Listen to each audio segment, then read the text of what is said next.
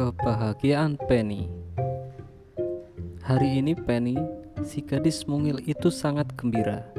Ia akan menerima upah setelah satu bulan mengasuh L, anak dari Tuan dan Nyonya Gosi.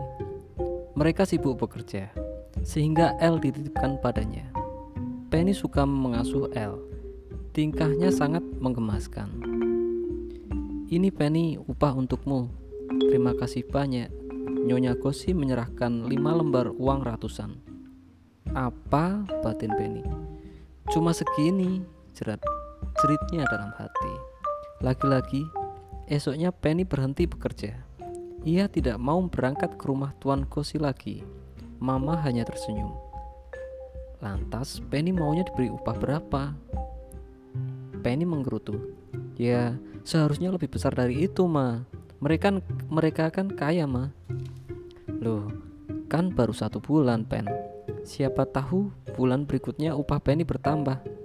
Ah, gak mau, Ma. Penny langsung menuju kamar dan tidur. Penny memang sering berganti-ganti pekerjaan ketika ada masalah. Sebulan sebelum kerja di tempat Tuan Kosi, Penny bekerja di tempat Paman Kedi. Ia juga mogok kerja karena tidak betah dengan omelan istri Paman Kedi yang ceriwis. Siangnya, ada tetangga yang bertandang ke rumah, Pak Dodi. Ia menawari Penny untuk mengasuh putranya dengan satu setengah juta. Mata Penny terbelalak ketika mendengar upah besar, tiga kali lipat dari upah Tuan Kosi. Baik, baik Pak, Penny mau. Penny segera menuju ke rumah Pak Dodi. Mama Penny ingin mengingatkan, tapi Penny keburu pergi. Di rumah Pak Dodi, tanpa alat-alat mainan berserakan. Bantal guling bertebaran, tembok penuh coretan, dan lantai keramik terlihat kotor kena cat air. Penny memandangi sekitar. Lantas keluarlah Pak Dodi bersama Derry dan Dori, anak kembarnya. Pak Dodi dan Bu Dodi pamit bekerja. Tinggallah Penny mengurus Derry dan Dori. Prak, sebuah bola mengenai pipi Penny. Aduh, Penny kesakitan. Eh, Derry, Dori, nggak boleh nakal. Mana bolanya? Mereka justru tetap melempar bola ke arah Penny. Penny mengejar mereka. Tiba-tiba dari belakang, Derry menjambak poni mungilnya. Aduh, teriak Penny. Mereka berdua cengar-cengir. Sambil tertawa, mereka berulah lagi. Derry dan Dori keluar rumah. Lantas mengambil sepatu Penny. Sepatu Penny dilempar ke semak-semak. Derry, Dori, berhenti. Penny mulai hilang kesabarannya. Mendengar teriakan Penny, mereka berdua ketakutan. Sorenya, kedua orang tua mereka pulang. Derry dan Dori mengadu sambil menangis. Mereka tidak suka diasuh Penny karena Penny galak. Hari itu juga, Pak Dodi menghentikan Penny dan dibayar cuma satu hari saja.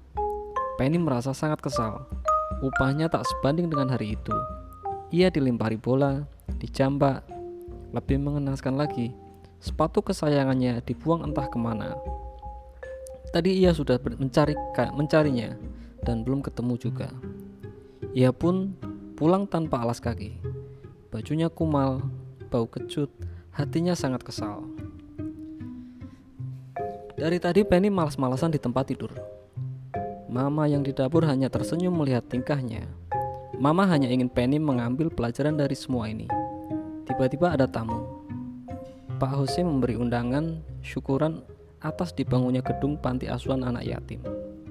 Sore itu juga, Mama mengajak Penny menghadiri undangan. Banyak anak-anak kecil yang sudah tidak punya ayah dan ibu.